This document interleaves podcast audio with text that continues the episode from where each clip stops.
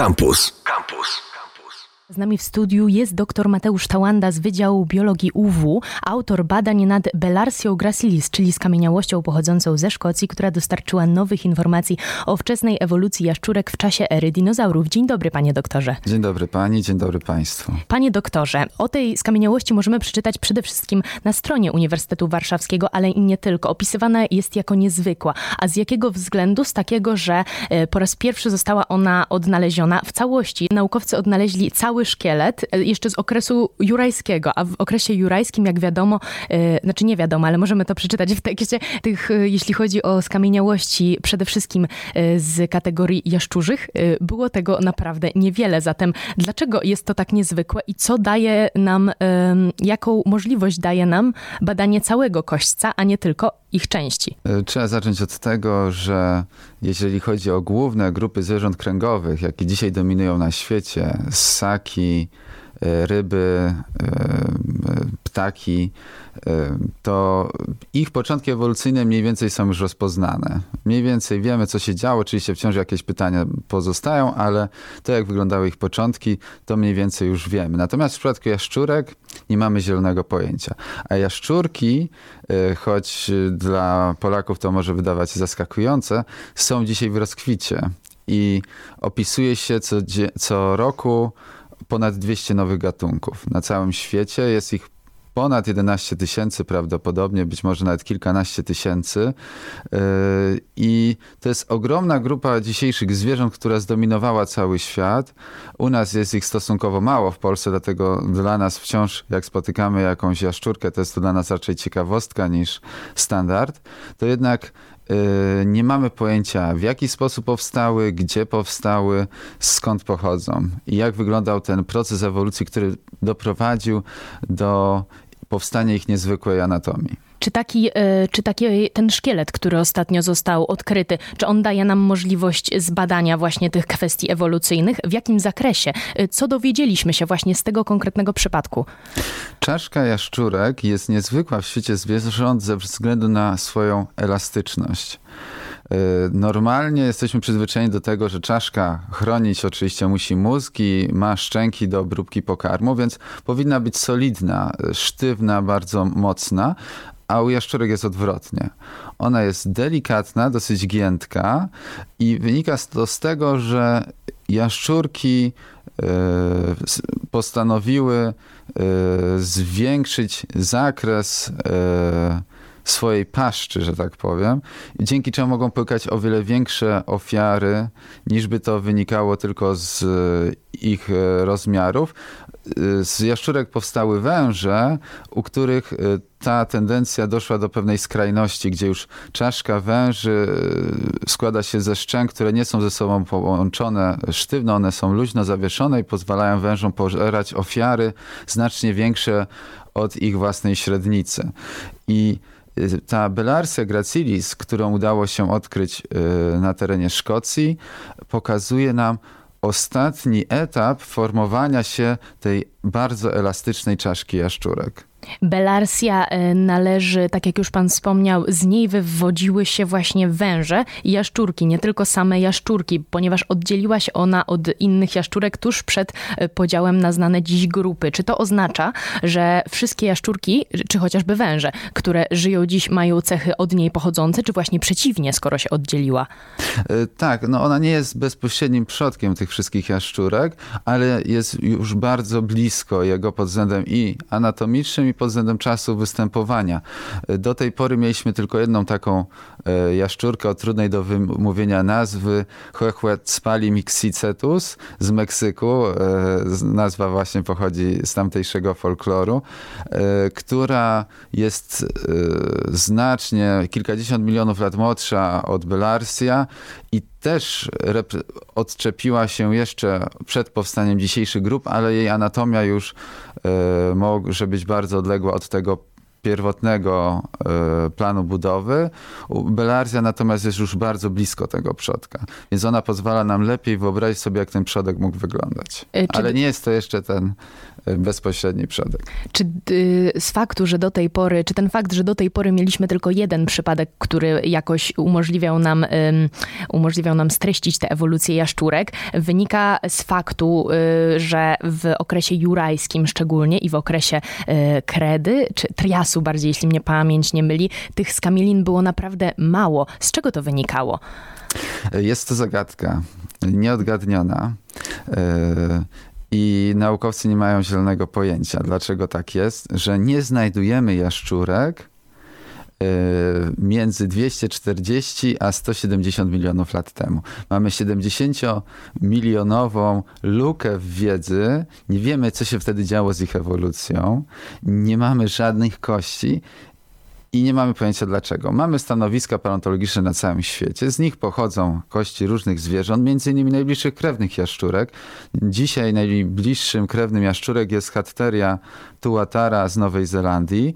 E, dziś już relikt, ale w czasach dinozaurów było ich bardzo dużo na całym świecie i znajdujemy ich kości. W tym czasie e, znamy bardzo wiele gatunków, ani jednej jaszczurki nie wiemy, co te jaszczurki robiły przez te 70 milionów lat, a przede wszystkim gdzie one występowały, bo jeżeli nie znajdujemy ich w tych stanowiskach paleontologicznych, które znamy, to być może występowały na jakimś yy, albo w bardzo specyficznym ekosystemie, albo w jakimś yy, małym obszarze geograficznym, gdzie czekały na, swoją, na swoje 5 minut do tego badania nad, y, nad skamieniałościami, nad y, akurat tym całym szkieletem, została użyta technika tomografii rentgenowskiej, znanej również właśnie z powszechnej medycyny, która jest nam, y, jeśli chodzi o rentgen, no to jest to bliskie pojęcie. Czy można by porównać właśnie takie badania paleontologiczne nad badaniami medycznymi? Tak, jest to w zasadzie ta sama technologia, tylko że oczywiście my tu potrzebujemy o wiele większej energii, takiej, która byłaby już dla pacjenta niebezpieczna, bo bo musimy te cząstki, które mi bombardujemy, e, badany obiekt, które potem odbijają się od tego obiektu w zależności od gęstości na różnych głębokościach i wracają do detektora, e, no muszą oczywiście mieć większą energię, bo penetrują skałę. I na podstawie właśnie różnicy w gęstości między skamieniałością a skałą e, można Y, można właśnie stworzyć taki y, obraz wnętrza. On się oczywiście w wersji takiej surowej składa po prostu z kolejnych plasterków, które później już za pomocą komputera składane są ze sobą w taki obraz trójwymiarowy. I tu trzeba powiedzieć, że ta sztuka, którą badałem, ona jest prawie w całości zatopiona w skale. Ja tego szkieletu na oczy nie widziałem. Y, ja po prostu pracowałem już na obrazach z tej tomografii i łączyłem y, y, poszczególne kości w trójwymiarowe modele, więc dzięki tej technologii jesteśmy w stanie zajrzeć do wnętrza skały, zobaczyć to, co jest niedostrzegalne dla ludzkiego oka. Właśnie a propos niedostrzegalności dla ludzkiego oka, jeszcze pod względem y, możliwości zbliżenia danego obrazu, czy ta tomografia rentgenowska umożliwiła, jako że na, mm, mm, w tekście udostępnionym na stronie Uniwersytetu Warszawskiego możemy przeczytać, że szczególną rolę grało tutaj zbliżenie y, tego, obrazu, tego, mm, tej skamieniałości i i obejrzenie go w takiej, mm, w takiej rozdzielczości, której, którą możemy osiągnąć jedynie przez mikroskop. Dlaczego jest to tak ważne, zbliżyć się aż tak, y, aż tak bardzo do tej skamieniałości, do tego kośćca? I pytanie, czy właśnie ta, y, ta tomografia rentgenowska umożliwia nam mm, tego typu zbliżenia? Znaczy, tomograf, który zastosowaliśmy, on e, nie dawał nam e, tak dużej rozdzielczości, która pozwala na, na wystarczające zbliżenie. Ta jaszczurka bez ogona miała około 6 cm długości, także była maleńka, ona by się nam bez problemu zmieściła w dłoni, a jej kości były jeszcze mniejsze. Taka najmniejsza kość, jaką udało mi się tam zobrazować, miała dwie dziesiąte milimetra czyli byłaby niedostrzegalna w zasadzie dla ludzkiego oka albo na granicy dostrzegalności dla ludzkiego oka. Dlatego zawieźliśmy y, skałę zawierającą ten szkielet do synchrotronu w Grenoble we Francji, gdzie y, tam y, można rozpędzać te cząstki do bardzo wysokich prędkości i powtórzyć w zasadzie to samo, tylko że właśnie w znacznie większej rozdzielczości, y, osiągając tą rozdzielczość do 4 mikrometrów, czyli y, mogliśmy tutaj osiągnąć bardzo duży poziom dokładności i w ten sposób rzeczywiście zauważyć i zobrazować ze szczegółami nawet najdrobniejsze kosteczki, w tym i tak już drobnym, nawet jak na jaszczurkę szkielecie. Jakie informacje w takim razie ten cały szkielet daje nam o, y, o istnieniu występujących dzisiaj gadów? Jednak jest to tylko kościec, a organizm składa się jeszcze z wielu innych struktur. Tak, no tutaj oczywiście skupialiśmy się na tym, jak zachowują się poszczególne kości względem siebie. No, jak powiedziałem, ta czaszka jaszczurek jest elastyczna, ona się może do pewnego stopnia jakby zginać w czasie połykania ofiary i ten szkielet pokazał nam właśnie ostatni etap formowania się tej elastyczności, kiedy to jeszcze pod, e, większość czaszki była elastyczna, ale dach czaszki, czyli e, ta górna część czaszki i podniebienie, czyli dolna część czaszki, były jeszcze sztywne. Tego już nie obserwujemy u dzisiejszych jaszczurek, gdzie te elementy są już zmodyfikowane, natomiast u tej jaszczurki uchwyciliśmy jeszcze taką cechę prymitywną, nieobecną u żadnej dzisiejszej jaszczurki. Wspomniał pan o skali, z jaką badamy właśnie jaszczurki w obecnych czasach, z czego w Polsce prawdopodobnie nie zdajemy sobie sprawy ze względu na odległość właśnie tego typu organizmów od naszych lokalnych y, terenów. Dlaczego dzisiaj um, warto jest zgłębiać ten temat? Znaczy, jesteśmy trochę skazani na jaszczurki, to znaczy będzie ich coraz więcej, także w Polsce. Y, one w tej chwili przeżywają rozkwit, ale one też będą przeżywały ekspansję wraz z ocieplającym się klimatem. Jeśli mam typować, które organizmy wygrają na obecnej zmianie klimatu, e, to obstawiałbym właśnie jaszczurki i węże.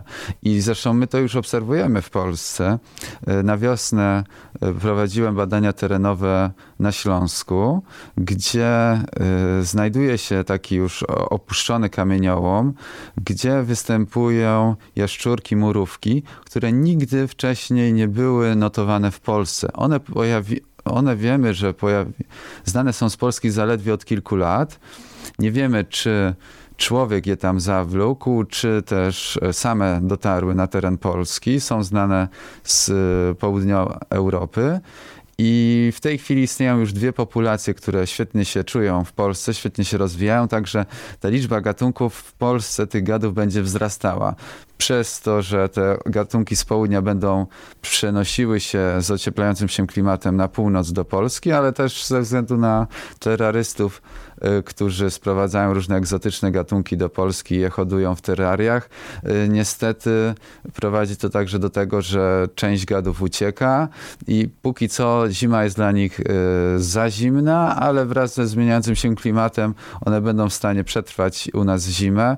To już się prawdopodobnie dzieje z żółwiem żółwiem czerwonolicym, także ostrzegam wszystkich Państwa, którzy mają żółwia czerwonolicego w domu, proszę go nie wypuszczać na wolność pod żadnym pozorem, bo on jest zagrożeniem dla naszych rodzimych gatunków. On może je po prostu wyprzeć i wykończyć. Z nami dzisiaj w studiu był dr Mateusz Tałanda. Panie doktorze, pięknie Panu dziękuję za rozmowę. Dziękuję Państwu. Campus.